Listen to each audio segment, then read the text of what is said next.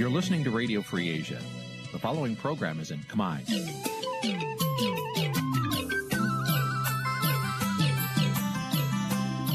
នេះជាកម្មវិធីផ្សាយ Vuthu Azizi Serai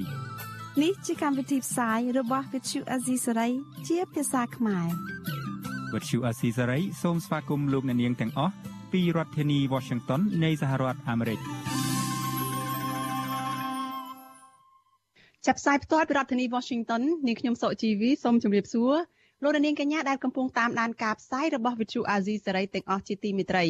ចា៎យើងខ្ញុំសូមជូនកម្មវិធីផ្សាយសម្រាប់យប់ថ្ងៃអាទិត្យ3កើតខែកដិកឆ្នាំឆ្លូវត្រីស័កពុរសករាជ2565ចាប់ត្រូវនឹងថ្ងៃទី7ខែវិច្ឆិកាគ្រិស្តសករាជ2021ចាជាដំបូងនេះសូមអញ្ជើញលោកអ្នកនាងស្ដាប់ព័ត៌មានប្រចាំថ្ងៃដែលមានមេត្តាដូចតទៅ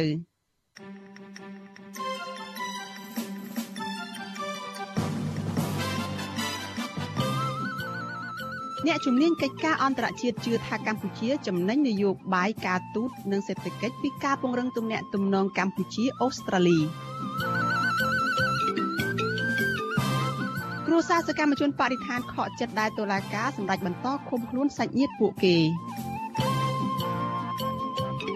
ពលករខ្មែរកាន់តែច្រើនបន្តសម្រុកឆ្លងដែនទៅធ្វើការនៅប្រទេសថៃ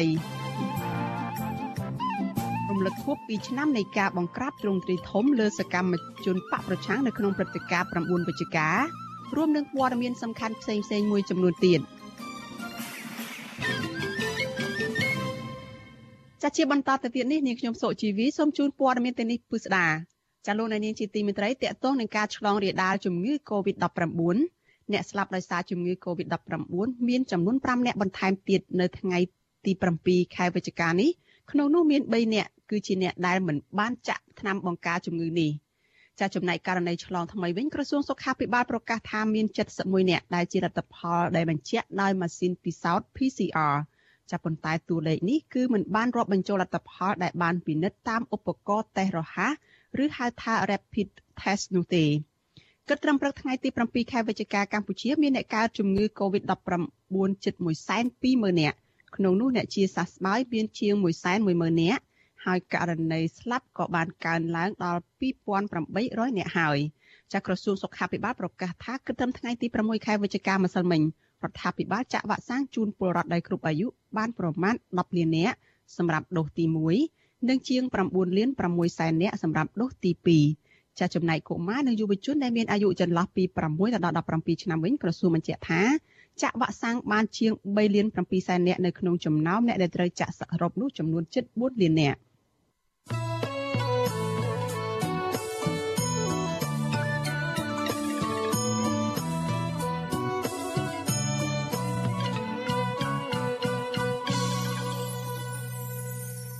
ចាលោកនាងជាទីមិត្តរីសេចក្តីរាយការណ៍តកតងនឹងទំនាក់ទំនងការបរទេសរវាងកម្ពុជាអាស៊ាននិងអូស្ត្រាលីឯនេះវិញ ចាអ្នកជំនាញកិច្ចការអន្តរជាតិជឿថាកម្ពុជាចំណេញនយោបាយការទូតនិងសេដ្ឋកិច្ចពីការពង្រឹងទំនាក់ទំនងអាស៊ានជាមួយនឹងអូស្ត្រាលី នៅក្រៅពេលដែលមានជំនួបមួយជាមួយរដ្ឋាភិបាលរបស់រដ្ឋមន្ត្រីការបរទេសអូស្ត្រាលីនៅលើកនេះចាតែទោះជាយ៉ាងណាសង្គមស៊ីវិលស្នើសុំរដ្ឋាភិបាលឲ្យលើកលែងទោសដល់អ្នកទោសមនសិការស្ដារលទ្ធិប្រជាធិបតេយ្យនិងគោរពសិទ្ធិមនុស្សឡើងវិញចាសសូមស្ដាប់សេចក្តីរាយការណ៍របស់លោកមានរិទ្ធអំពីរឿងនេះ ក្រុមអ្នកឃ្លាំមើលមានជំនឿថារដ្ឋមន្ត្រីការបរទេសអូស្ត្រាលីអ្នកស្រី Maris Payne មកកម្ពុជាលើកនេះគឺដើម្បីពង្រឹងទំនាក់ទំនងក្រោយពេលអូស្ត្រាលីបានដំឡើងគោលនយោបាយការទូតជាមួយអាស៊ានដល់កម្រិតយុទ្ធសាស្ត្រគ្រប់ជ្រុងជ្រោយរួចមកអ្នកសិក្សាស្រាវជ្រាវនៃវិទ្យាស្ថានខ្មែរសម្រាប់សហប្រតិបត្តិការនិងសន្តិភាពលោកវ៉ាន់បូណា ឲ្យដឹងថាអូស្ត្រាលីមានបំណងចង់ពង្រឹងទំនាក់ទំនងជាមួយកម្ពុជា ក្នុងនាមកម្ពុជាជាប្រធានអាស៊ានព្រោះថាអាស៊ានគឺជាតំបន់សំខាន់មួយរបស់អាស៊ីប៉ាស៊ីហ្វិកដែលអូស្ត្រាលីបានដាក់ចេញនូវយុទ្ធសាស្ត្រនិងពង្រឹងឥទ្ធិពលសន្តិសុខរបស់ខ្លួននៅក្នុងតំបន់នេះលោកបន្តថាកម្ពុជានឹងមិនខាត់បងនោះទេ ពីនយោបាយការទូតជាមួយប្រទេសអូស្ត្រាលីក៏ប៉ុន្តែផ្ទុយទៅវិញអ្នកជំនាញកិច្ចការអន្តរជាតិរុងនេះ ជំរុញឲ្យរដ្ឋាភិបាលដាក់ចេញនូវគោលនយោបាយចម្រុះដោយមិនលំអៀងទៅរកមហាអំណាចណាមួយនៅក្នុងនាមជាប្រធានអាស៊ានដើម្បីទាញយកផលប្រយោជន៍ផ្នែកការទូតពីក្រមប្រទេសលោកស្រីមកវិញព្រមទាំងអាចចំណេញផ្នែកសេដ្ឋកិច្ចផងដែរ ក្នុងបរិបទកម្ពុជាដឹកនាំមកវេទិកាអាស៊ានវាជាមុខបត់ធំសម្រាប់កម្ពុជាចឹងហើយភាគីទាំងមហាអំណាចមួយមួយគេចង់ចូលលូកដៃចែកចូលដើម្បីថាពង្រឹងអធិបតេយ្យរបស់គេនៅក្នុងវេទិកាការទូតនឹងជាឱកាសល្អសម្រាប់កម្ពុជាតែត្រូវបង្ហាញចំហថាយើងនឹងមានគោលនយោបាយជំរុញការរីកមិនទោទនទៅរកមហាអំណាចណាមួយទេយើងចាប់យកទាំងអស់បើមិនជាកម្ពុជាបង្ហាញចំហដែលច្បាស់ជាក់លាក់ទៅរកមហាអំណាចណាមួយជាពិសេសចិនវាធ្វើយើងនឹងខាតប្រយោជន៍មិនបានផលប្រយោជន៍ពីមហាអំណាចផ្សេងជាពិសេសសហរដ្ឋអាមេរិកអូស្ត្រាលីនិងការលើកឡើងនេះគឺនឹងចំពេលរដ្ឋមន្ត្រីការបរទេសអូស្ត្រាលីអ្នកស្រី Maris Payne កំពុងមកបំពេញទស្សនកិច្ចនៅកម្ពុជារយៈពេល2ថ្ងៃគឺចាប់ពីថ្ងៃទី7ដល់ថ្ងៃទី8ខែវិច្ឆិកាឯអគ្គរដ្ឋទូតអូស្ត្រាលីប្រចាំកម្ពុជា លោក Pablo Kang បានបង្ហោះសារនៅលើបណ្ដាញសង្គម Twitter ថា រដ្ឋមន្ត្រីការបរទេសអូស្ត្រាលីអ្នកស្រី Maris Payne មកទស្សនកិច្ចនៅកម្ពុជា ក្នុងនាមកម្ពុជាជាប្រធានអាស៊ាន និងពង្រឹងកិច្ចទំនាក់ទំនងរយៈពេលជិត70ឆ្នាំរវាងកម្ពុជានិងអូស្ត្រាលីចំណែកក្រសួងការបរទេសកម្ពុជា កាលពីថ្ងៃទី4ខែវិច្ឆិកាបានប្រកាសព័ត៌មានថាអ្នកស្រី Maris Pen មកកម្ពុជាគឺដើម្បីពង្រឹងនៅទំនាក់ទំនងទ្វេភាគី និងពហុភាគីសម្រាប់ផលប្រយោជន៍គ្នាទៅវិញទៅមកនៃប្រទេសទាំងពីរ នៅក្នុងដំណើរទស្សនកិច្ចនេះអ្នកស្រីនឹងត្រូវជួបជាមួយលោកនាយរដ្ឋមន្ត្រីហ៊ុនសែននិងរដ្ឋមន្ត្រីការបរទេសកម្ពុជាលោកប្រាក់សុខុនដោយជជែកគ្នាផ្ដោតសំខាន់លើបញ្ហាតំបន់អន្តរជាតិនិងទួលនីតិកម្ពុជាជាប្រធានអាស៊ាន នៅឆ្នាំ2022ខាងមុខនេះអ្នកស្រីក៏នឹងទៅទស្សនាមជ្ឈមណ្ឌលអង្គការកម្ពុជាដើម្បីជួយស្ត្រីមានវិបត្តិផងដែរ ពាក់ព័ន្ធនឹងជំនុំនេះ Visual C ស្រីមិនអាចសុំការបញ្ជាក់ពីអ្នកនាំពាក្យក្រសួងការបរទេសនិងសហប្រតិបត្តិការអន្តរជាតិលោកកុយគួងនិងអ្នកនាំពាក្យរដ្ឋាភិបាលលោកផៃសិផានបានឡើយទេ នៅថ្ងៃទី7ខែវិច្ឆិកានៅមុនដំណើរទស្សនកិច្ចនេះមួយថ្ងៃអង្គការឃ្លាំមើលសិទ្ធិមនុស្សអន្តរជាតិ Human Rights Watch បានជំរុញឲ្យអ្នកស្រី Marie Payne លើកឡើងអំពីបញ្ហាសិទ្ធិមនុស្សនិងការធ្លាក់ចុះនៃលទ្ធិប្រជាធិបតេយ្យនៅក្នុងជំនួបជាមួយលោកហ៊ុនសែននិងលោកប្រាសុខុន នាយករងទទួលបន្ទុកកិច្ចការតំបន់អាស៊ីនៃអង្គការ Human Rights Watch លោក Phil Robertson លើកឡើងនៅក្នុងសេចក្តីថ្លែងការណ៍ថាអូស្ត្រាលីត្រូវតែបញ្ជាក់ចំហឲ្យបានច្បាស់លាស់នៅក្នុងការគ្រប់គ្រងសកម្មជនសិទ្ធិមនុស្សសកម្មជនបរិស្ថាន សកម្មជនដីធ្លីសហជីពនិងអ្នកសារព័ត៌មានឯករាជ្យព្រមទាំងទាមទាររដ្ឋាភិបាលកម្ពុជាដោះលែងអ្នកទោសនយោបាយគោរពសិទ្ធិមនុស្សនិងស្ដារលទ្ធិប្រជាធិបតេយ្យឡើងវិញប្រធានសមាគមសិទ្ធិមនុស្សអាត6លោកនីសុខា ជឿជាក់ថារដ្ឋមន្ត្រីការបរទេសអូស្ត្រាលីនឹងលើកយកពីបញ្ហានេះទៅជជែកជាមួយរដ្ឋាភិបាលកម្ពុជាអ្នកខ្លាំមើលសិទ្ធិមនុស្សនៅកម្ពុជារូបនេះក៏ជំរុញឲ្យរដ្ឋាភិបាលដោះលែងអ្នកជាប់ឃុំផ្នែកនយោបាយស្ដារលទ្ធិប្រជាធិបតេយ្យនិងលើកកម្ពស់ការគោរពសិទ្ធិមនុស្សឡើងវិញដែរដើម្បីស្ដារមុខមាត់និងទទួលបានជំនួយពីបរទេសឡើងវិញ។ យើងមិនព្រមស្ដារឡើងវិញនៅស្ថានភាពប្រជាធិបតេយ្យស្ថានភាពគោរពសិទ្ធិមនុស្សហើយនៅតែពោលអះអាងដដែលដដែលអំពីបញ្ហាមិនទៀតជែកមិនអីខ្ញុំគិតថាមិនមែនជារឿងចំណេញដល់ប្រទេសកម្ពុជាយើងទេជារួមមកបាទគឺអ្នកដែលខាតបង់គឺកម្ពុជាហើយអ្នកដែលរងគ្រោះមែនតើនឹងគឺថាប្រជាពលរដ្ឋកម្ពុជានឹងតែម្ដងរយៈពេល4ឆ្នាំចុងក្រោយមកនេះរបបក្រុងភ្នំពេញបានបំផ្លាញលទ្ធិប្រជាធិបតេយ្យនិងរំលោភសិទ្ធិមនុស្សធ្ងន់ធ្ងរ តាមរយៈការរំលាយគណៈបពប្រឆាំងធំជាងគេតែមួយគត់នៅកម្ពុជានិងបង្កើនការធ្វើទុកបុកម្នេញចាប់ក្រុមអ្នកតវ៉ាឬបញ្ចេញមតិរិះគន់ដាក់ពន្ធនាគារជាច្រើនអ្នកក្រុមអ្នកខ្លាំមើលតំណាងអង្គការជាតិនិងអន្តរជាតិព្រមទាំងក្រុមអ្នកជំនាញសិទ្ធិមនុស្សនៃអង្គការសហប្រជាជាតិផង បានហៅយុទ្ធនាការបង្ក្រាបនោះថា គឺជាការបំពានសិទ្ធិរបស់ពលរដ្ឋ ពួកគេជំរុញឲ្យរដ្ឋាភិបាលបញ្ឈប់ទង្វើរំលោភសិទ្ធិមនុស្សនិងដោះលែងអ្នកជាប់ឃុំដោយសារការប្រើប្រាស់សិទ្ធិជាមូលដ្ឋានឲ្យមានសេរីភាពឡើងវិញខ្ញុំបាទមេរិត Visual C ស្រីរាយការណ៍ពីរដ្ឋធានី Washington ចាលោកនាងកញ្ញាជាទីមេត្រីចាលោកនាងកំពុងតាមដានការផ្សាយរបស់ Vithu Azizi សេរីចាផ្សាយចេញពីរដ្ឋធានី Washington សហរដ្ឋអាមេរិកចាថ្ងៃទី9ខែវិច្ឆិកាឆ្នាំ2021ខាងមុខនេះ គឺជាខួប2ឆ្នាំនៃការធ្វើមេត្តាភូមិនិវត្តរបស់លោកសំរងស៊ីប្រធានស្ដីទីគណៈបកសង្គ្រោះជាតិចារបបលហ៊ុនសែនបានប្រើគ្រប់មធ្យោបាយទាំងអស់ដើម្បីបាត់បិទផ្លូវអ្នកនយោបាយដ៏មានឥទ្ធិពលរូបនេះមិនឲ្យវិលចូលស្រុកវិញបានឡើយចតាឋានៈដឹកនាំគណៈបកសង្គ្រោះជាតិមានផែនការអ្វីទៀតនៅក្នុងបំណងវិលត្រឡប់ទៅកម្ពុជាវិញនេះចាសសូមលោកនាងរងចាំស្ដាប់សេចក្តីរាយការណ៍នេះពិស្ដានៅក្នុងការផ្សាយរបស់យើងនៅពេលបន្តិចទៀតនេះ thank you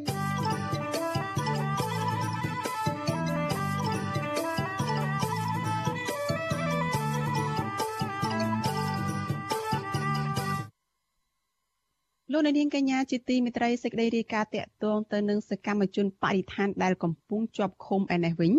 ក្រុមគ្រួសារសកម្មជនបរិស្ថានខកចិត្តជាខ្លាំងចំពោះតុលាការដែលសម្រេចបន្តឃុំខ្លួនសកម្មជនបរិស្ថាន3នាក់ដែលរួមមានលោកថនរដ្ឋាកញ្ញា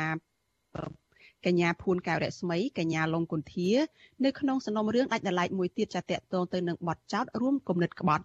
ចាពួកគាត់យល់ថាការបន្តឃុំខ្លួនសកម្មជនបរិស្ថាននឹងធ្វើឲ្យពួកគេរងអយុត្តិធម៌បន្ថែមទៀតពីសំណុំរឿងចាស់ខណៈដែលពួកគេបន្តធ្វើសកម្មភាពកន្លងមកនោះគឺដើម្បីតែផលប្រយោជន៍របស់សាធារណៈតែប៉ុណ្ណោះចាសសូមស្ដាប់សេចក្តីរាយការណ៍របស់លោកជាតិចំណានអំពីរឿងនេះក្រុមគ្រួសារសកម្មជនបរិស្ថានទាំង3នាក់លើកឡើងថាដំបងឡើយពួកគាត់រីករាយពេលដែលទទួលដំណឹងថាតុលាការនឹងដោះលែងសាច់ញាតិឲ្យនៅក្រៅឃុំ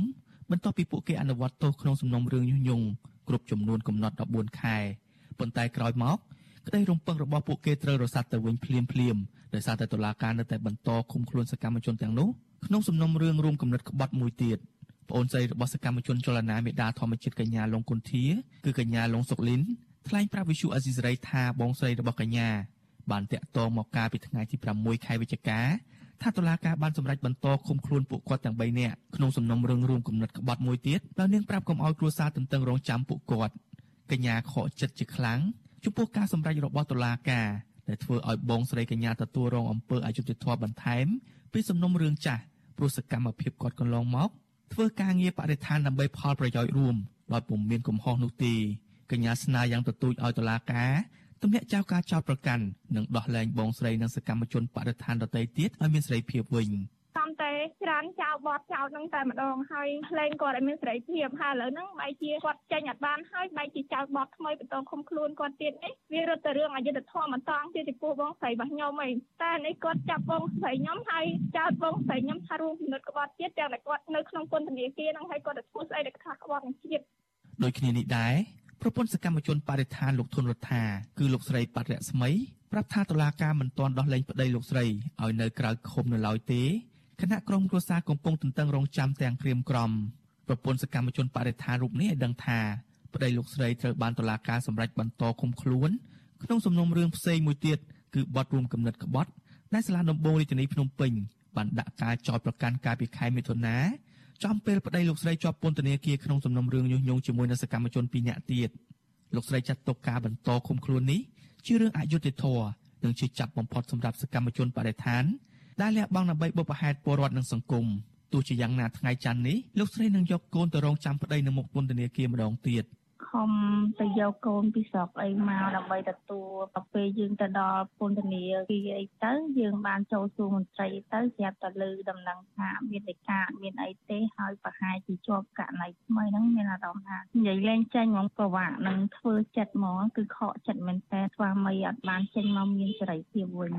វិសុវស៊ីស្រីមិនអាចតាក់ទងแนะនាំពាក្យសាលាដំបងរាជធានីភ្នំពេញលោកអ៊ីរិនដើម្បីសាកសួរបន្ថែមជុំវិញរឿងនេះបានទេនៅថ្ងៃទី7ខែវិច្ឆិកា ប៉ុន្តែអ្នកនាំពាក្យអគ្គនាយកដ្ឋានពន្ធនាគារនៃក្រសួងមហាផ្ទៃលោកនុតសាវណ្ណា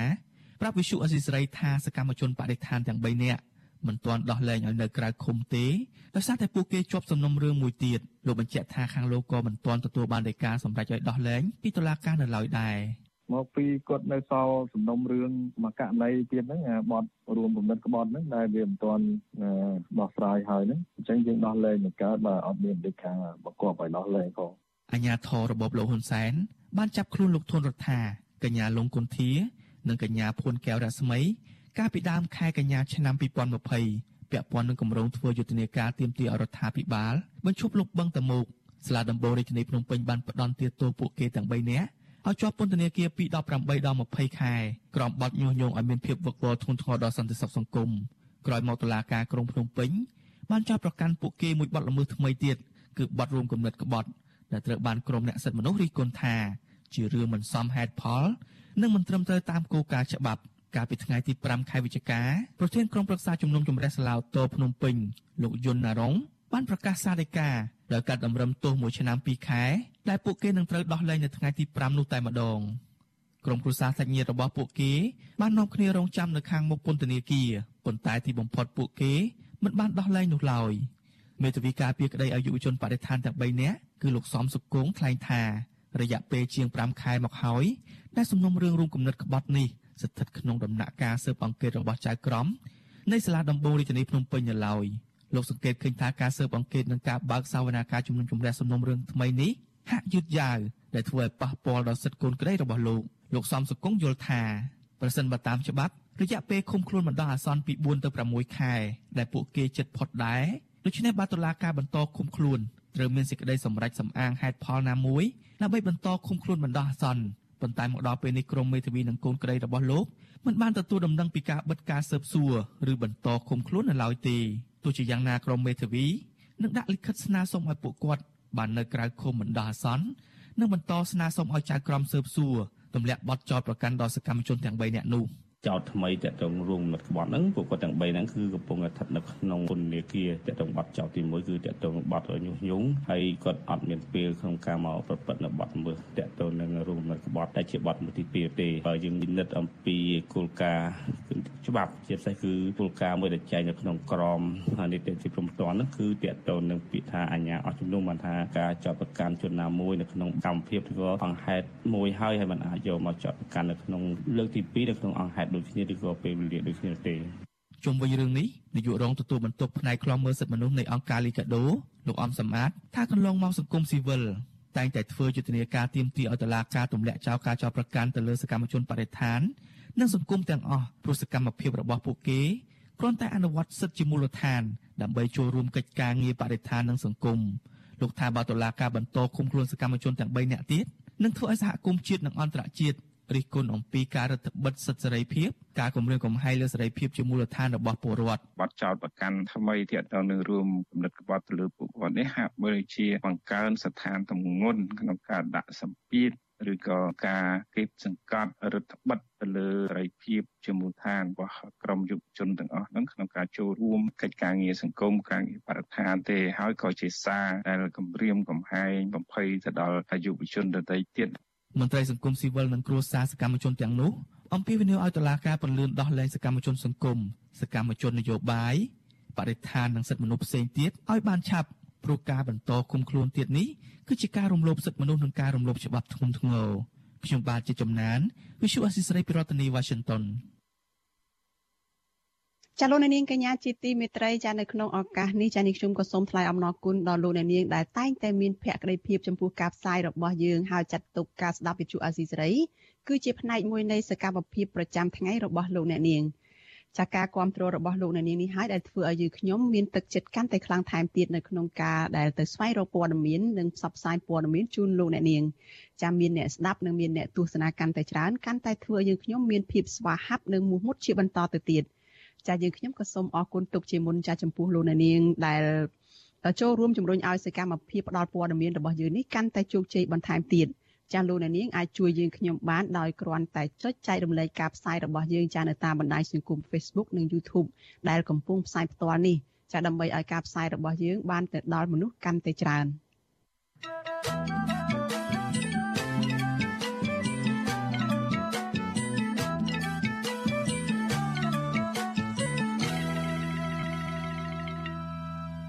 ចាលោកនាងកញ្ញាជាទីមេត្រីចាព័ត៌មានដាច់ដោយឡែកមួយទៀតចាថ្ងៃទី7ខែវិច្ឆិកានេះគឺជាខួប18ឆ្នាំហើយដែលរបាំបរិយាទ្របត្រូវបានចុះបញ្ជីជាសម្បត្តិបេតិកភណ្ឌវប្បធម៌អរូបីនៃមនុស្សជាតិចាលោកនាយរដ្ឋមន្ត្រីហ៊ុនសែននិងក្រសួងវប្បធម៌និងវិចិត្រសិល្បៈ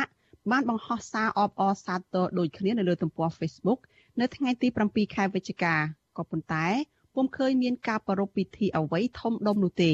ចាក្រសួងវប្បធម៌និងវិចិត្រសិល្បៈសរសេរថានេះគឺជាខួប18ឆ្នាំដែលកម្ពុជាបានចុះបញ្ជីរបាំបរិយាទ្របគឺជាសម្បត្តិបេតិកភណ្ឌដ៏មានតម្លៃមិនអាចកាត់ថ្លៃបាន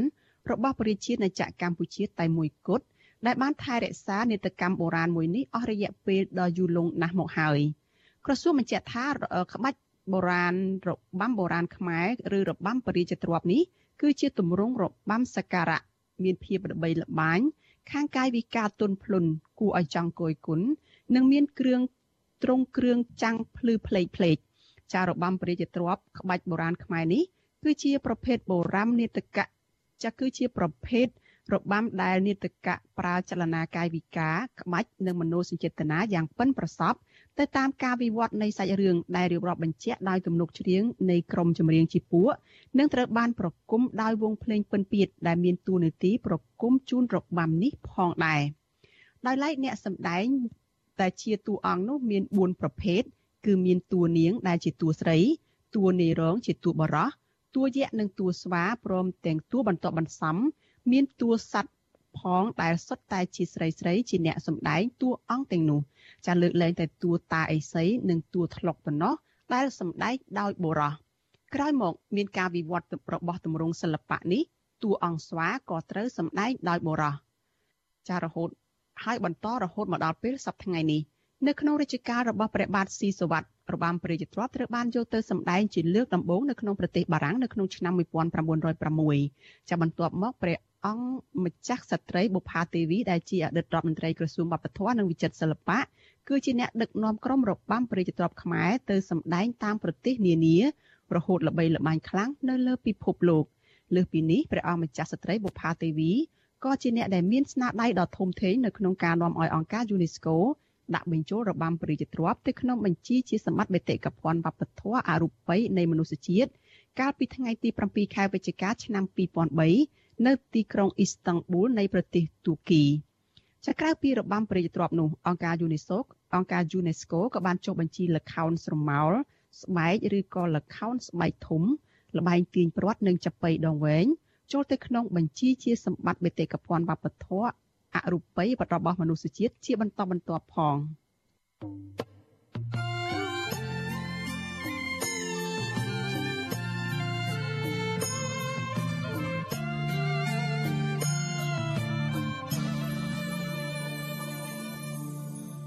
ចាលោកនាងជាទីមេត្រីសេចក្តីរាយការណ៍ពីប្រទេសថៃឲ្យដឹងថាពលករខ្មែរជាច្រើនអ្នកនៅតែបន្តសម្រុកឆ្លងដែនទៅធ្វើការនៅប្រទេសនេះតាមច្រករបៀងព្រំដែននៅក្នុងខេត្តបន្ទាយមានជ័យនិងខេត្តបាត់ដំបងជារៀងរាល់ថ្ងៃមន្ត្រីសង្គមស៊ីវិលយល់ថាការឆ្លងដែននេះកើតឡើងដោយសារតែអាជ្ញាធរព្រំដែនអនុវត្តច្បាប់ធូររលុងបណ្ដោយឲ្យក្រុមមេខ្យល់នាំពលករឆ្លងដែនតាមអំពើចិត្តចាសសូមស្ដាប់សេចក្តីរាយការណ៍របស់លោកជីវិតាអំពីរឿងនេះ ពលករខ្មែរជាច្រើនឆ្លងដែនចូលក្នុងប្រទេសថៃពេលនេះដោយសារពួកគាត់អត់ការងារធ្វើនៅក្នុងស្រុកនិងជំពាក់បំណុលធនាគារបើទោះជាពួកគាត់ដឹងថាការឆ្លងដែននេះប្រឈមនឹងគ្រោះថ្នាក់ច្រើនយ៉ាងណាក៏ដោយចុះទោះជាយ៉ាងណាមន្ត្រីសង្គមស៊ីវិលថាអាញាធរពពាន់ក៏មិនគួរបណ្ដោយឲ្យពួកគាត់ឆ្លងដែនទាំងប្រថុយប្រឋានបែបនេះឡើយមន្ត្រីផ្នែកការពារសិទ្ធិពលករចំណាក់ស្រុកនៃអង្គការសង្ត្រាល់ប្រចាំនៅប្រទេសថៃលោកលឹងសុផុន ប្រាប់អាស៊ីសេរីនៅថ្ងៃទី7វិច្ឆិកាថាពលករខ្មែរកាន់តែច្រើនបានឆ្លងដែនទៅរកការងារធ្វើនៅប្រទេសថៃដោយខុសច្បាប់ជារៀងរាល់ថ្ងៃលោកមើលឃើញថាការដែលពលករឆ្លងដែននៅពេលនេះកើតឡើងដោយសារតែអាជ្ញាធរព្រំដែនកម្ពុជានិងថៃអនុវត្តច្បាប់ធូររលុងបានឱកាសដល់មេខ្យល់នាំពលករឆ្លងដែនជាបន្តបន្ទាប់លោកបញ្ជាក់ថា ពលករបងថ្លៃធ្វើដំណើរឲ្យមេខ្យល់នាំឆ្លងដែនទៅដល់កន្លែងធ្វើការក្នុងម្នាក់ចន្លោះពី6000ទៅ9000បាតឬប្រមាណ150ដុល្លារទៅ285ដុល្លារ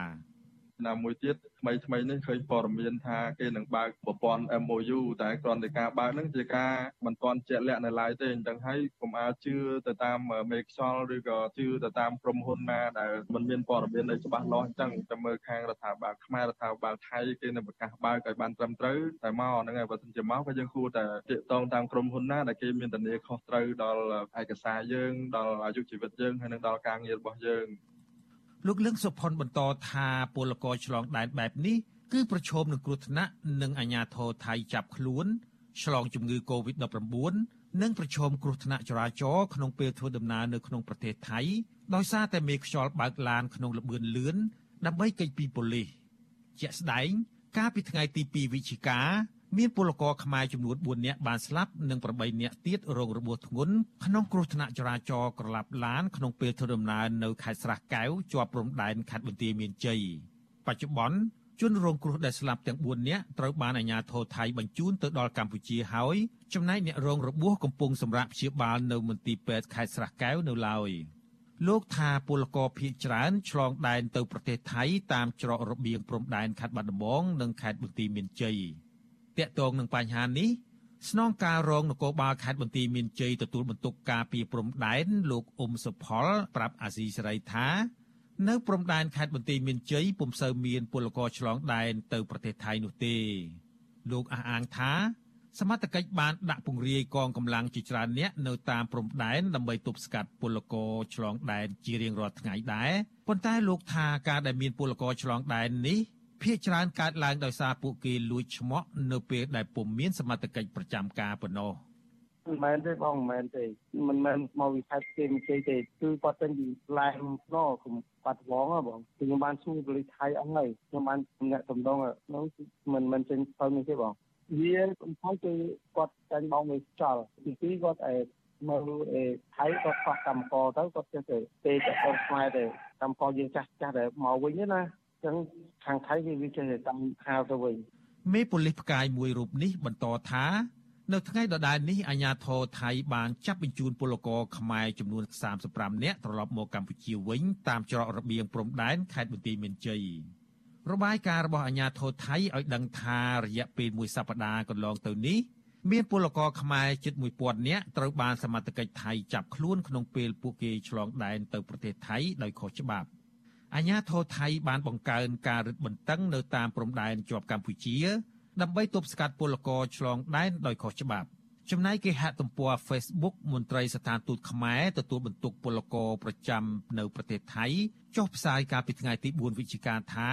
ប្រសិនបើប្រជាពលរដ្ឋនិងជនបរទេសណាប្រទះឃើញអាជ្ញាធរថៃមានជាប់ពាក់ព័ន្ធនឹងការនាំពលករបរទេសចូលប្រទេសថៃដោយខុសច្បាប់អំឡុងពេលនេះ ពួកគេត្រូវប្រញាប់ជូនដំណឹងដល់អាជ្ញាធរថៃដើម្បីចាត់វិធានការជាបន្ទាន់មន្ត្រីការពារសិទ្ធិពលករលោកលឹងសុផុនឲ្យដឹងថាចាប់តាំងពីខែមករាដល់ខែកញ្ញាមានពលករបរទេសរួមមានឡាវភូមាឬមីយ៉ាន់ម៉ានិងពលករខ្មែរសរុបជាង30000នាក់ត្រូវបានអាជ្ញាធរថៃចាប់ខ្លួន ដោយឡែកនៅក្នុងខែតុលាកន្លងទៅ មានពលករខ្មែរជាង1000នាក់ត្រូវបានអាជ្ញាធរថៃចាប់ខ្លួនក្នុងពេលពួកគេឆ្លងដែនដោយខុសច្បាប់ ហើយពលករភៀសច្រើនត្រូវបានបញ្ជូនត្រឡប់ទៅកម្ពុជាវិញ ហើយមួយចំនួនទៀតកំពុងជាប់ពន្ធនាគារនៅប្រទេសថៃលោកជឿជាក់ថាប្រសិនបើអាជ្ញាធរនៃប្រទេសទាំងពីរមិនបង្កើនការការពារនៅតំបន់ព្រំដែនឲ្យបានតឹងរឹងនោះទេពលករខ្មែរជាច្រើនអ្នកនឹងបន្តចាញ់បោកមេខ្យល់នាំឆ្លងដែនទៅប្រទេសថៃដែលប្រឈមនឹងគ្រោះថ្នាក់ទៀតជាមិនខាន ប៉ុន្តែដំណោះស្រាយដ៏សំខាន់នោះគឺរដ្ឋាភិបាលត្រូវប្រឹងប្រែងបង្កើតការងារនៅក្នុងស្រុកឲ្យពលរដ្ឋធ្វើខ្ញុំជីវិតាអាស៊ីសេរី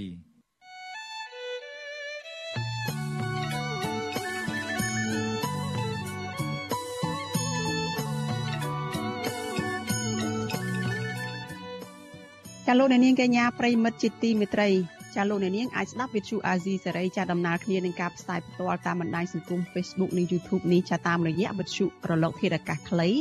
SW ចាតាមកម្រិតនិងកម្ពស់ដូចតទៅនេះចាប់ពេលព្រឹកចាប់ពីម៉ោង5កន្លះដល់ម៉ោង6កន្លះតាមរយៈរលកធាតុអាកាសខ្លី9390 kHz ស្មើនឹងកម្ពស់ 32m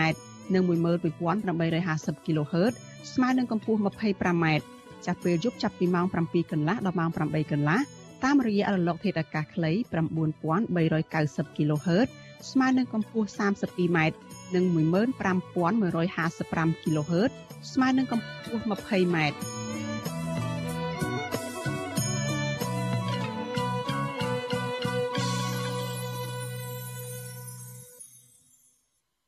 ចាលោកអ្នកនាងជាទីមេត្រីលោកអ្នកនាងកំពុងតែតាមដាន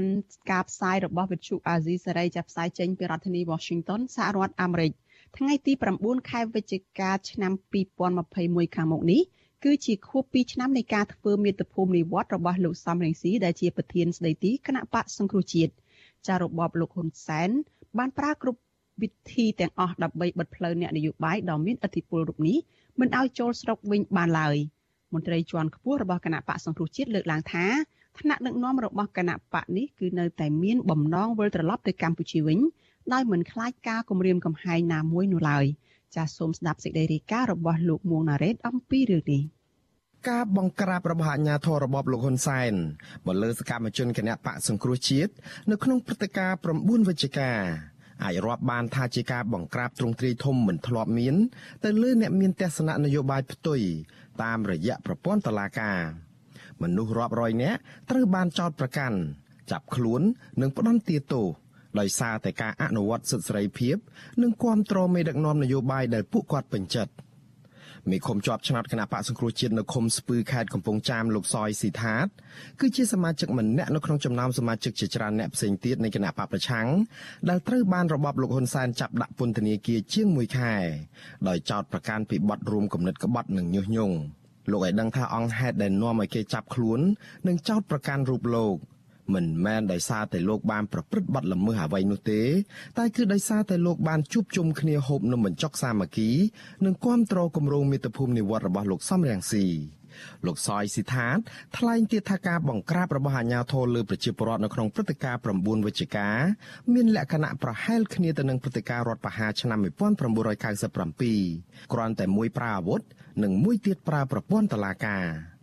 ចាប់យកទៅដាក់គុកទាំងអយុត្តិធម៌ គ្រួសារត្រូវបានចំណាយថវិកាដើម្បីទៅឲ្យប្តីនឹងបាននៅក្នុងគុកនឹងបានហូបបានឆ្ងាញ់បានអីវាខាតបងច្រើននិយាយចំទៅព្រឹត្តិការណ៍វាសាហាវប្រហែលតែគ្នាគ្រាន់តែមួយគុកមួយគឺគុកអត់ចិញ្ចាំងគុកមួយធ្វើបាបយើងដោយគេថាទរណកម្មផ្លូវកាយនិងផ្លូវចិត្តអាមួយទៀតគឺថាសម្លាប់ដោយបាត់បង់ជីវិតអាហ្នឹងវាប្រហាក់ប្រហែលតែគ្នាទេជាសិទ្ធិជាមនុស្សការស្លាប់ហើយនិងការបាត់សេរីភាពហ្នឹងគឺប្រហែលគ្នាដូចមនុស្សស្លាប់ដូចគ្នាដែរបាទដំណើរមាតុភូមិនិវត្តរបស់លោកសំរៀងស៊ី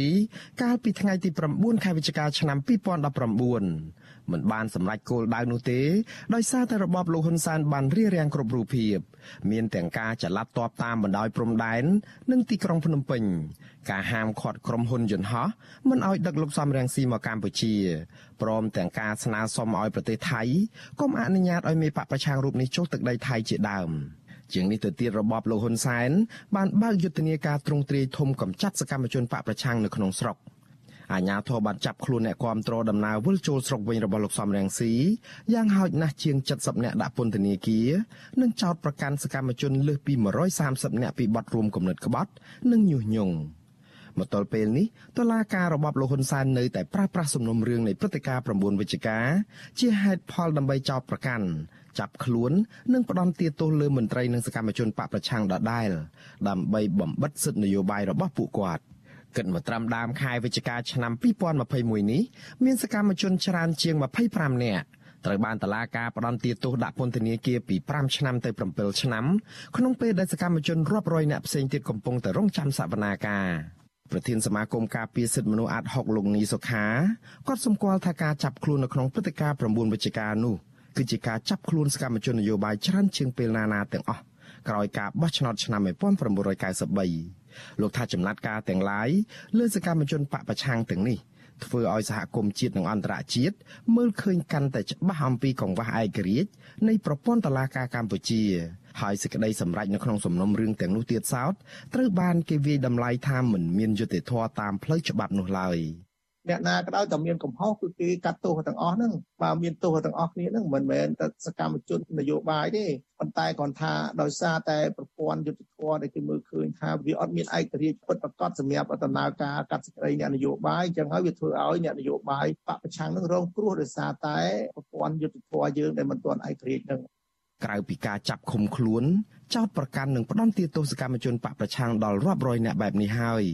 របបលោកហ៊ុនសែនបានប្រើវិធីសាស្ត្រមួយទៀតដើម្បីបិទច្រកថ្នាក់ដឹកនាំនិងសកម្មជនបកប្រឆាំងមួយចំនួនដែលកំពុងតែភៀសខ្លួននៅក្រៅប្រទេសមិនឲ្យវិលមកកម្ពុជាវិញ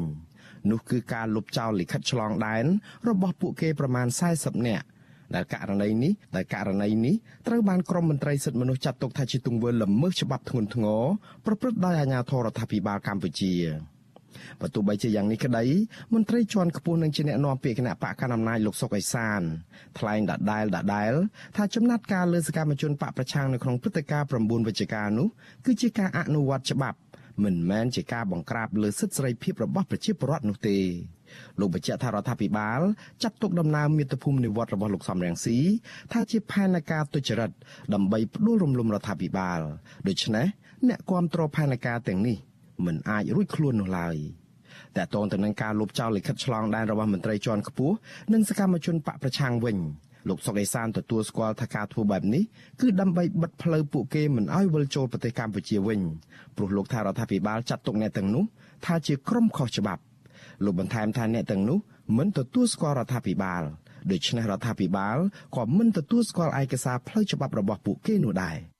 បើឲ្យក្រុមនេះចូលស្រុកវានាំឲ្យមានអរិភាពនៅក្នុងសង្គមនៅសិនអាភាពសុខដុមរមនានៅក្នុងសង្គមវាអត់មានទេអញ្ចឹងគឺថាមិនបាច់ឲ្យចូលមិនខ្វល់ទេឲ្យអ្នកឯងនៅក្រៅប្រទេសរហូតទៅទៅងាប់ទៅអានេះនិយាយឲ្យស្រួលស្ដាប់អ្នកឯងរីរោគវិចិត្រកាយាការចូលបានអានឹងអ្នកឯងទៅអត់រាជរដ្ឋាភិបាលអត់តាក់ទងជាមួយអ្នកឯងតទៅទៀតទេ ឆ្លើយតបទៅនឹងការលើកឡើងនេះអនុប្រធានគណៈបកសង្គ្រោះជាតិលោកអេងឆៃអៀងថ្លែងថាគណៈបកកាន់អំណាចបកស្រាយតាមតែចិត្តនឹកឃើញ ដោយមិនមើលច្បាប់លោកថាការប៉ុនប៉ងបិទផ្លូវពួកលោកឲ្យនៅក្រៅប្រទេសអស់មួយជីវិតបែបនេះមានន័យស្មើនឹងការនិរទេសប្រជាពលរដ្ឋខ្លួនឯងដែលជាទង្វើរំលោភបំពានធ្ងន់ធ្ងរលើរដ្ឋធម្មនុញ្ញពួកយើងខ្ញុំអត់មានតែចិត្តខ្មែរពីកំណើតមិនមែនជាសញ្ជាតិសិប្បនិមិត្តឯណា ចិត្តសិប្បនិមិត្តបានគេដកបានបើសញ្ជាតិពីកំណើតมันអាចពីណាមកដកសញ្ជាតិយើងបានទេអញ្ចឹងយើងជាខ្មែរយើងត្រូវតែមានសិទ្ធិក្នុងការរស់នៅប្រើប្រាស់ឯកសារអីជារបស់ខ្មែរប៉ុន្តែអ្វីៗទៅវាសិតរឿងនយោបាយសារលោកហ៊ុនសែនកាត់ចង់បាក់ទឹកចិត្តរបស់យើងអញ្ចឹងបានកាត់តែធ្វើទៅបាទប៉ុន្តែយើងក៏មានតែតលច្រកអស់ច្រកក្នុងការធ្វើអ្វីៗដែរ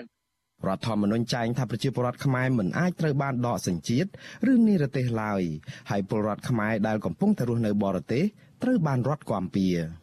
បើទោះបីជាមិនអាចវិលត្រឡប់ទៅកម្ពុជាវិញនៅក្នុងពេលនេះក្តី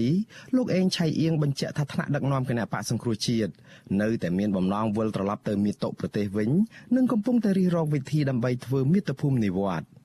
រីឯសកម្មជនមូលដ្ឋានឯណោះវិញពួកគេឲ្យដឹងថាការវិលចូលស្រុករបស់ថ្នាក់ដឹកនាំគណៈបកសង្គ្រោះជាតិគឺជាអ្វីដែលពួកគាត់ទន្ទឹងរង់ចាំ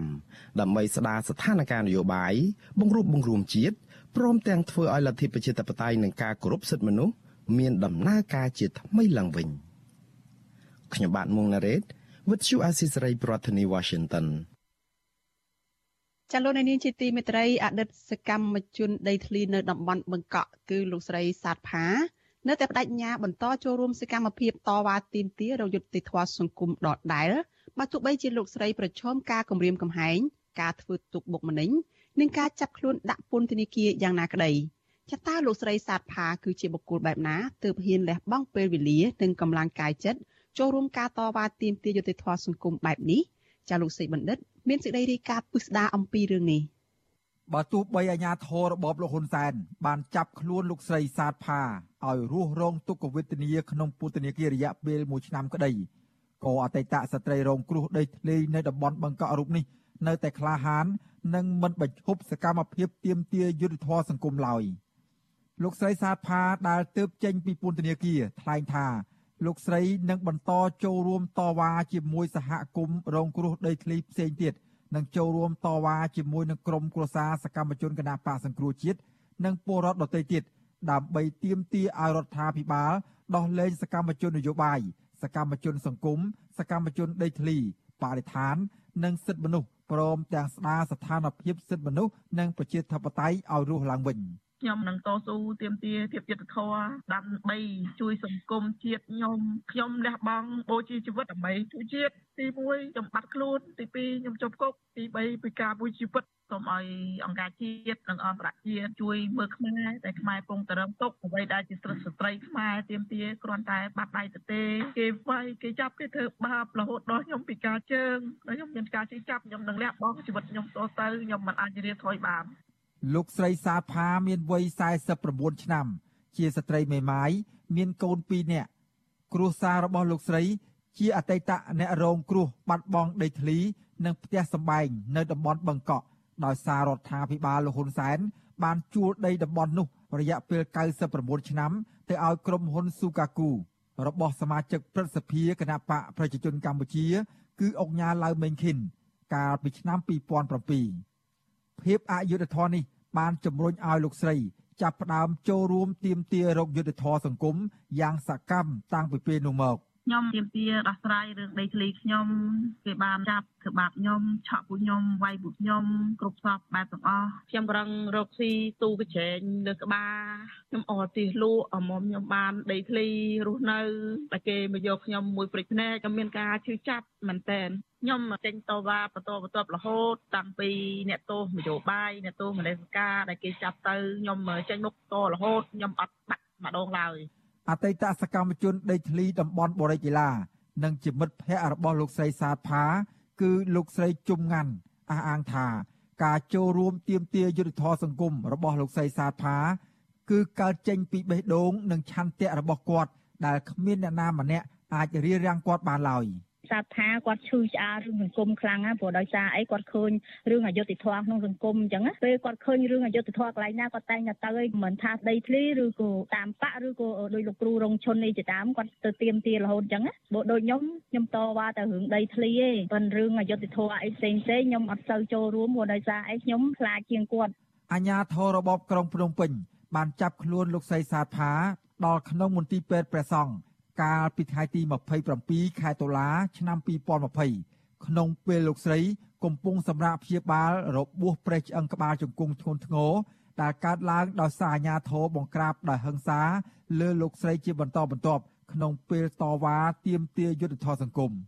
ការចាប់ខ្លួននេះពាក់ព័ន្ធនឹងការចូលរួមតវ៉ាអហិង្សា នៅខាងមុខស្ថានទូតចិនដើម្បីទាមទារឲ្យគោរពកិច្ចព្រមព្រៀងសន្តិភាពទីក្រុងប៉ារីស កាលពីថ្ងៃទី23ខែតុលាឆ្នាំ2020ខ្ញុំត្រូវការកិច្ចព្រមព្រៀងទីក្រុងប៉ារីស23ដុល្លារចូលទៅមកខ្ញុំបដញ្ញាសូមជម្រាបជូនបងប្អូនដែលឈរលើបណ្ដាតវ៉ានាទីនេះណាមេត្តាព្រំសៃរយៈពេល5នាទីតុលាការក្រុងភ្នំពេញបានកាត់ទោសលោកស្រីឲ្យជាប់ពន្ធនាគាររយៈពេល12ខែពីបទញុះញង់បង្កឲ្យមានភាពវឹកវរធ្ងន់ធ្ងរដល់សន្តិសុខសង្គម លោកស្រីសាទផាទើបត្រូវបានតុលាការដោះលែងពីពន្ធនាគារកាលពីថ្ងៃទី28ខែតុលាបន្ទាប់ពីជាប់ឃុំគ្រប់ចំនួនកំណត់លោកស្រីសាទផារៀបរាប់ទាំងក្តុកក្តួលថា ការឃុំខ្លួនលោកស្រីនេះគឺជារឿងអយុត្តិធម៌បំផុត ជាពិសេសអ្វីដែលលោកស្រីឈឺចាប់មិនអាចបំភ្លេចបាននោះ គឺប៉ូលីសស្រី2នាក់បានបង្ខំឲ្យលោកស្រីដោះខោអាវទាំងអស់ក្នុងពេលបញ្ជូនទៅតុលាការ ចាប់ខ្ញុំទៅដល់តុលាការហ្នឹងគេឲ្យខ្ញុំចូលក្នុងបន្ទប់គេឆែកឆែកហ្នឹងឲ្យស្រាប់ក្រៅទាំងអស់ឲ្យខ្ញុំនឹងដិតជង្គង់ចុះដែលជើងខ្ញុំកំពុងតែឈឺខ្ញុំចង់សួរថាខ្ញុំទោសគ្រឿងញៀនឬខ្ញុំទោសជួយសង្គមខ្ញុំយំរាល់ថ្ងៃដោយសារខ្ញុំមានការជឿចាប់មែនទែនដោយសារខ្ញុំជាមនុស្សស្ត្រីម្នាក់ខ្ញុំមិនបានទៅអីខុសទៅមកមួយគេឲ្យអ្នកទោសពី អ្នកមកឆែកខ្លួនខ្ញុំឲ្យខ្ញុំស្រាប់ដែរហើយឲ្យខ្ញុំនឹងងឹតជង្គង់ដែរទៀតចឹងភាពអចិត្តធម៌ចំពោះខ្ញុំខ្លាំងមែនទែនដោយសារខ្ញុំមិនមែនទោសគ្រឿងញៀនទេខ្ញុំមិនមែនទោសលួចអាវុធហើយក៏ខ្ញុំក៏មានទោសលួចជាតិដែរនេះធ្វើបាបដល់ខ្ញុំខ្ញុំជឿចាប់មែនទែនខ្ញុំលោកស្រីបន្តថាពេលនៅក្នុងពន្ធនាគារលោកស្រីបានជួបរឿងអយុត្តិធម៌បន្ថែមទៀតដូចជាពេទ្យពន្ធនាគារឬអើងនឹងមិនជួយព្យាបាលរបួសលោកស្រីនោះទេដោយសារភាពអយុត្តិធម៌ និងរបួសជើងឈឺចាប់ខ្លាំងនេះធ្វើឲ្យលោកស្រីលេបថ្នាំប៉ុនប៉ងបញ្ចប់ជីវិតនៅក្នុងពន្ធនាគារថែមទៀតផងប៉ុន្តែត្រូវបានមន្ត្រីពន្ធនាគារបញ្ជូនទៅសង្គ្រោះនៅមន្ទីរពេទ្យរុស្ស៊ីទាន់ពេលជើងខ្ញុំឈឺខ្លាំងពេកខ្ញុំហៅពេទ្យពេទ្យគាត់មើលខ្ញុំទេឈ្មោះពេទ្យផ្សេងគេឆ្លើយថាជើងខ្ញុំឈឺពុតថ្ងៃមួយខ្ញុំលេបថ្នាំសម្រាប់ខ្លួនពីថ្ងៃ21ខែ11ខ្ញុំបានលះបង់មិនអាចជាទីស្រឡាញ់បងប្អូនខ្ញុំទាំងអស់គេថា រងគុកមែនតើគេអត់មើលខ្ញុំទេជើងខ្ញុំថ្ងៃណាក៏ជំនុំដែរអ្នកចូលរួមតវ៉ាទាមទារយុត្តិធម៌សង្គមក៏បង្ហាញពីភាពអយុត្តិធម៌និងភាពមិនប្រក្រតីជាច្រើនដូចជាអ្នកជាប់ឃុំក្រីក្ររស់នៅក្នុងស្ថានភាពចង្អៀតណែនខុសពីអ្នកជាប់ឃុំដែលមានលុយការលក់អីវ៉ាន់មានតម្លៃថ្លៃខ្លាំងលាក់បាំងការឆ្លងជំងឺ Covid-19 ព្រមទាំងម្ហូបអាហារគ្មានអនាម័យជាដើម។ ចឹងសូមឲ្យបំបត្តិបរិយនឹងចោលដោយសារឥឡូវហ្នឹងមានកូវីដអ្នកជក់នឹងខ្លាំងរឿងមហូបនៅក្នុងពុកពេស៊ី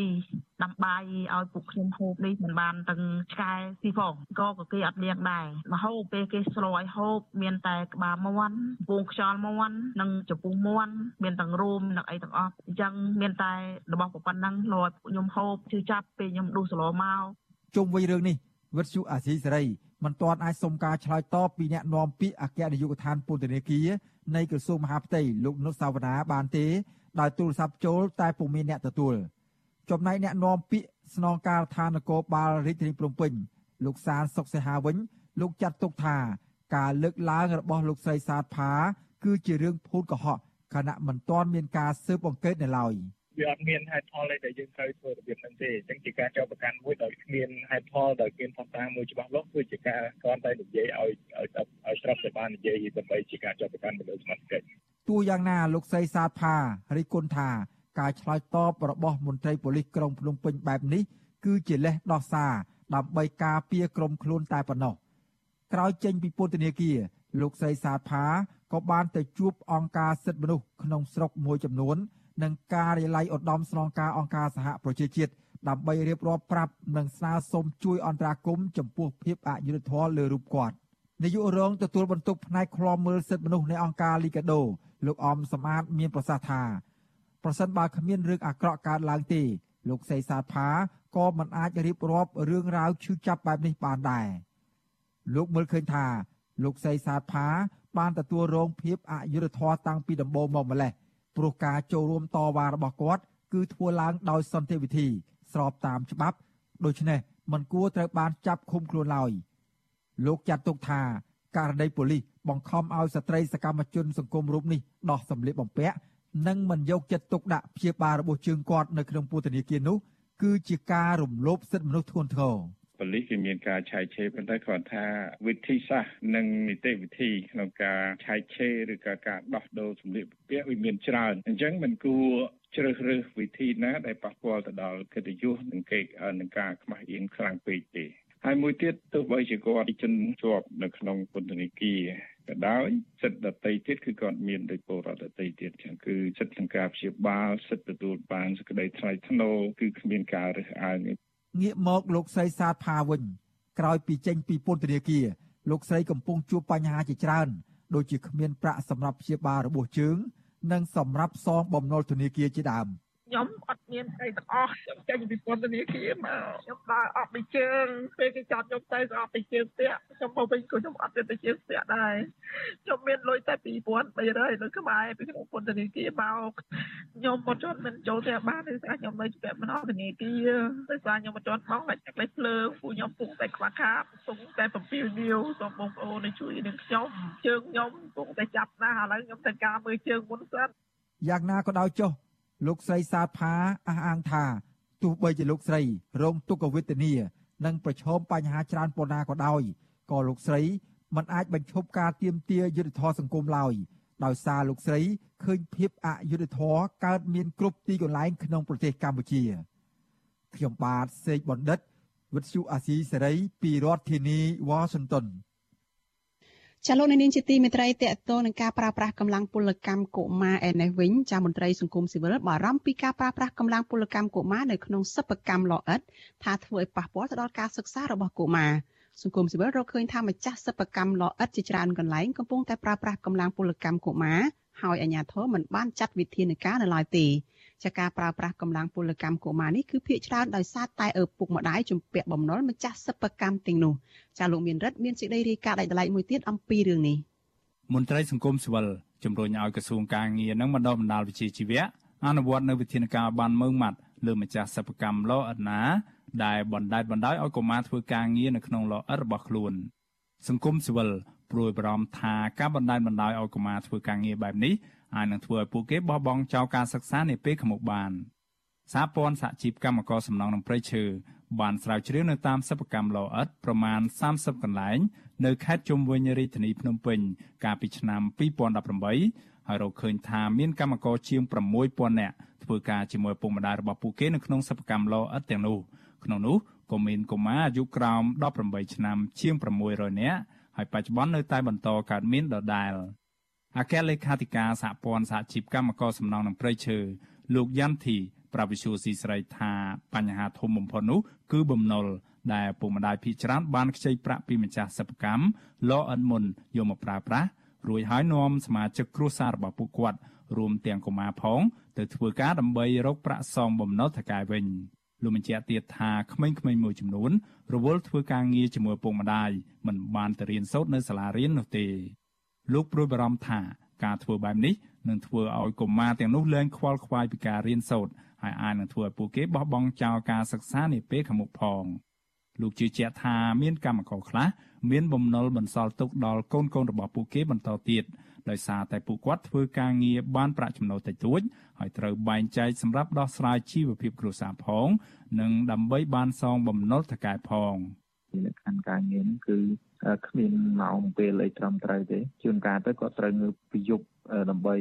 បានផលិតផលឥតនឹងបានច្រើនក៏ត្រូវងើបម៉ោង3ម៉ោង4ព្រឹកហ្នឹងត្រូវចាប់ផ្ដើមធ្វើការជូនឥតជូនអីយកទៅកន្លែងរកន្លែងអីរៀបចំរៀបអីអញ្ចឹងណាដោយសារថាគិតពីលទ្ធផលគេគិតគេគិតពីលទ្ធផលគេអត់គិតម៉ោងគិតអីចឹងអាលក្ខខណ្ឌការងារហ្នឹងវាពិបាកហើយសុខភាពសុវត្ថិភាពហ្នឹងគាត់ក៏មិនសូវមានសុវត្ថិភាពដែរព្រោះ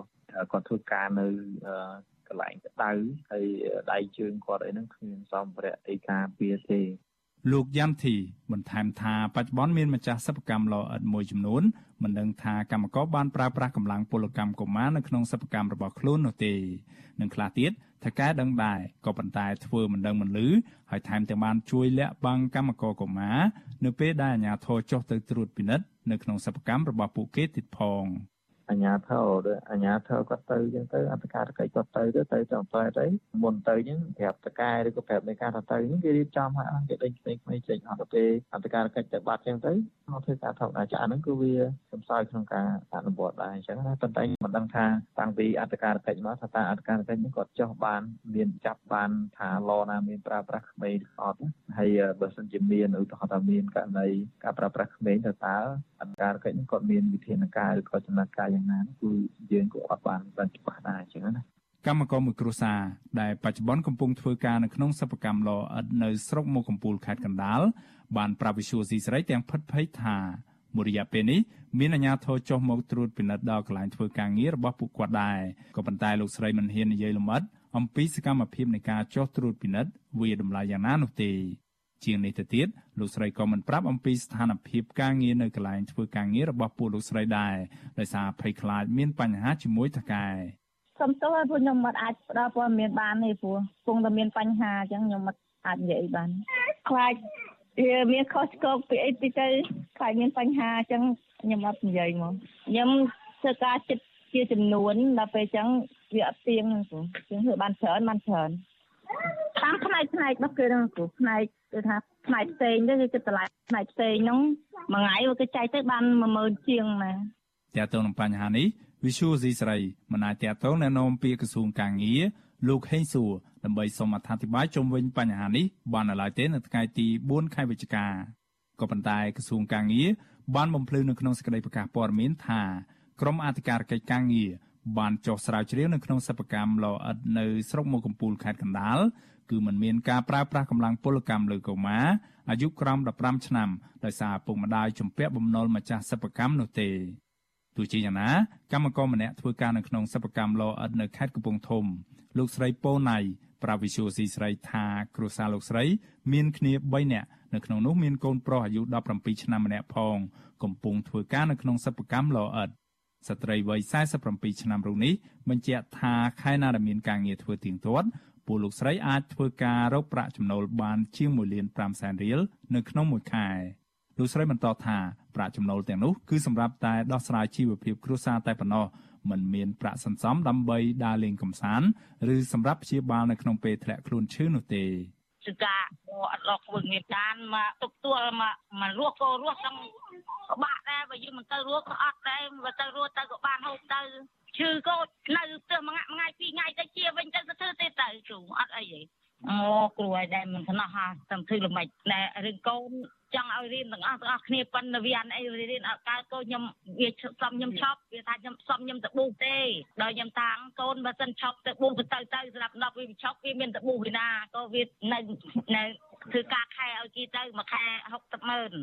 លោកស្រីបន្តថានៅតំបន់ដែលលោកស្រីធ្វើការមានសិប្បកម្មលអិននិងលក្បឿងប្រមាណ50កន្លែងដែលមានកម្មករធ្វើការប្រមាណពី5នាក់ទៅជាង100នាក់នៅក្នុងមួយកន្លែងដែលក្នុងនោះសិប្បកម្មខ្លះ ក៏មានកុមារធ្វើការជាមួយឪពុកម្ដាយរបស់ពួកគេផងដែរកាលពីចុងឆ្នាំ2016អង្គការលីកាដូបានចេញផ្សាយរបាយការណ៍មួយទាក់ទងទៅនឹងពលកម្មកុមារនៅសិប្បកម្មលផលិតឥដ្ឋ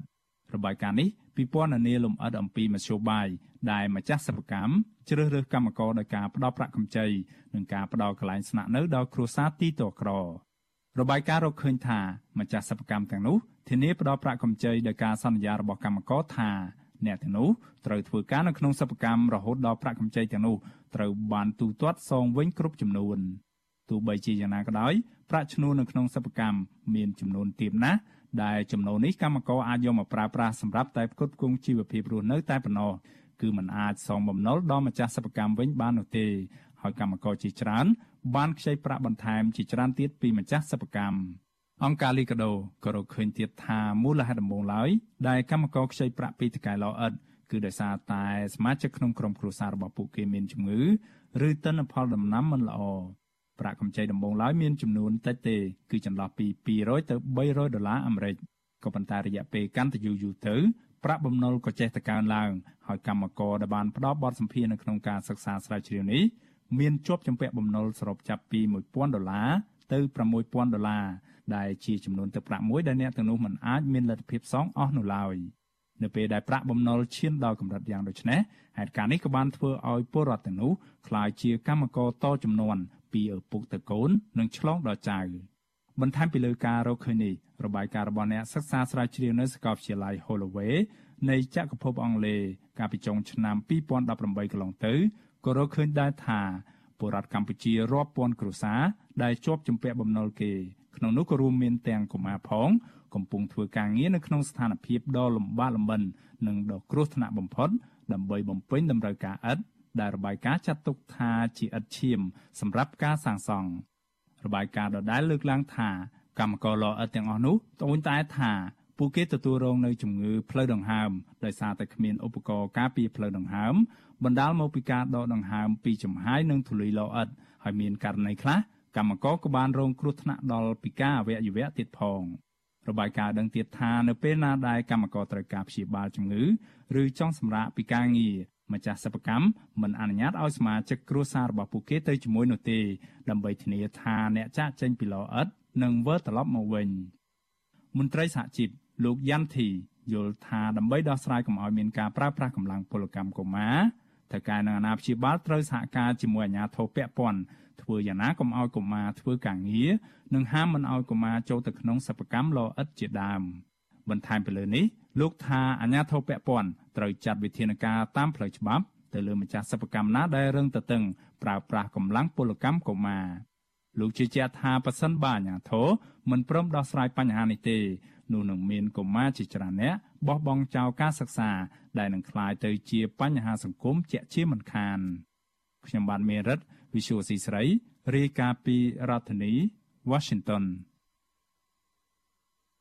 ចាលោកនាងកញ្ញាជាទីមេត្រីចាថ្ងៃនេះចានេះខ្ញុំមានសេចក្តីរីករាយចាសូមជម្រាបជូនលោកនាងកញ្ញាថាចាប់ពីថ្ងៃទី9ខែវិច្ឆិកានេះតទៅយើងនឹងចាប់ដើមផ្សាយចេញពីបន្ទប់ផ្សាយនៃទីស្នាក់ការធំរបស់វិទ្យុអាស៊ីសេរីជាបណ្ដាបណ្ដាឡើងវិញចាយើងនឹងត្រឡប់ចូលការិយាល័យវិញនេះជាដំណាក់កាលដំណាក់កាល ចានេះដំណាក់កាលដំបូងយើងនឹងចាប់ផ្ដើមផ្សាយ3ថ្ងៃពីបន្ទប់ផ្សាយនៃការិយាល័យកណ្ដាលឯ4ថ្ងៃទៀតយើងនឹងរក្សាការផ្សាយពីផ្ទះរៀងរៀងខ្លួនសិនប្រសិនបើស្ថានភាពជំងឺឆ្លងសកលនេះបានធូរស្រាលចាយើងនឹងបង្កើនការផ្សាយពីបន្ទប់ផ្សាយនៃការិយាល័យកណ្ដាលរបស់វិទ្យុអាស៊ីសេរីឲ្យបានកាន់តែច្រើនថែមទៀតចាយើងបានរងចាំឱកាសនៃការធ្វើការជួបគ្នាឡើងវិញនេះអស់រយៈពេលជិត2ឆ្នាំមកហើយហើយយើងសង្ឃឹមថា ការដែលបានធ្វើការដោយផ្ទាល់ជាមួយគ្នាឡើងវិញនេះនឹងផ្ដល់លទ្ធភាពឲ្យយើងខ្ញុំកាន់តែងាយស្រួលសហការគ្នាស្វែងរកព័ត៌មាននិងបង្កើនគុណភាពនៃការផ្សាយរបស់យើងជូនលោកអ្នកនាងកញ្ញាទាំងអស់ចាការផ្សាយថ្ងៃទី1ពីបន្ទប់ផ្សាយនៃការិយាល័យរបស់វិទ្យុអាស៊ីសេរីនោះក៏ចំនឹងថ្ងៃបុណ្យឯករាជ្យជាតិនៃប្រទេសកម្ពុជាផងដែរហើយក្រុមការងាររបស់យើងនឹងសម្រិតសម្រាំងរៀបចំកម្មវិធីពិសេសជូនលោកអ្នកនាង ចាឆ្លៀតឱកាសនេះចានេះខ្ញុំក៏សូមថ្លែងអំណរគុណដល់លោកអ្នកនាងកញ្ញាទាំងអស់ដែលបានរួមដំណើរជាមួយយើងគ្រប់កលៈទេសៈ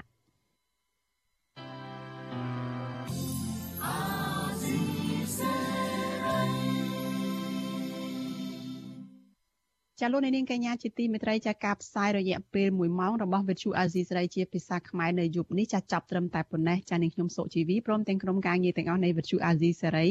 ចាសូមជូនពរដល់លោកនាងកញ្ញាឲ្យជួបប្រកបតែនឹងសេចក្តីសុខចាចម្រើនរុងរឿងកុំបីឃ្លៀងឃ្លាតឡើយចានាងខ្ញុំសូមអរគុណនិងសូមជម្រាបលា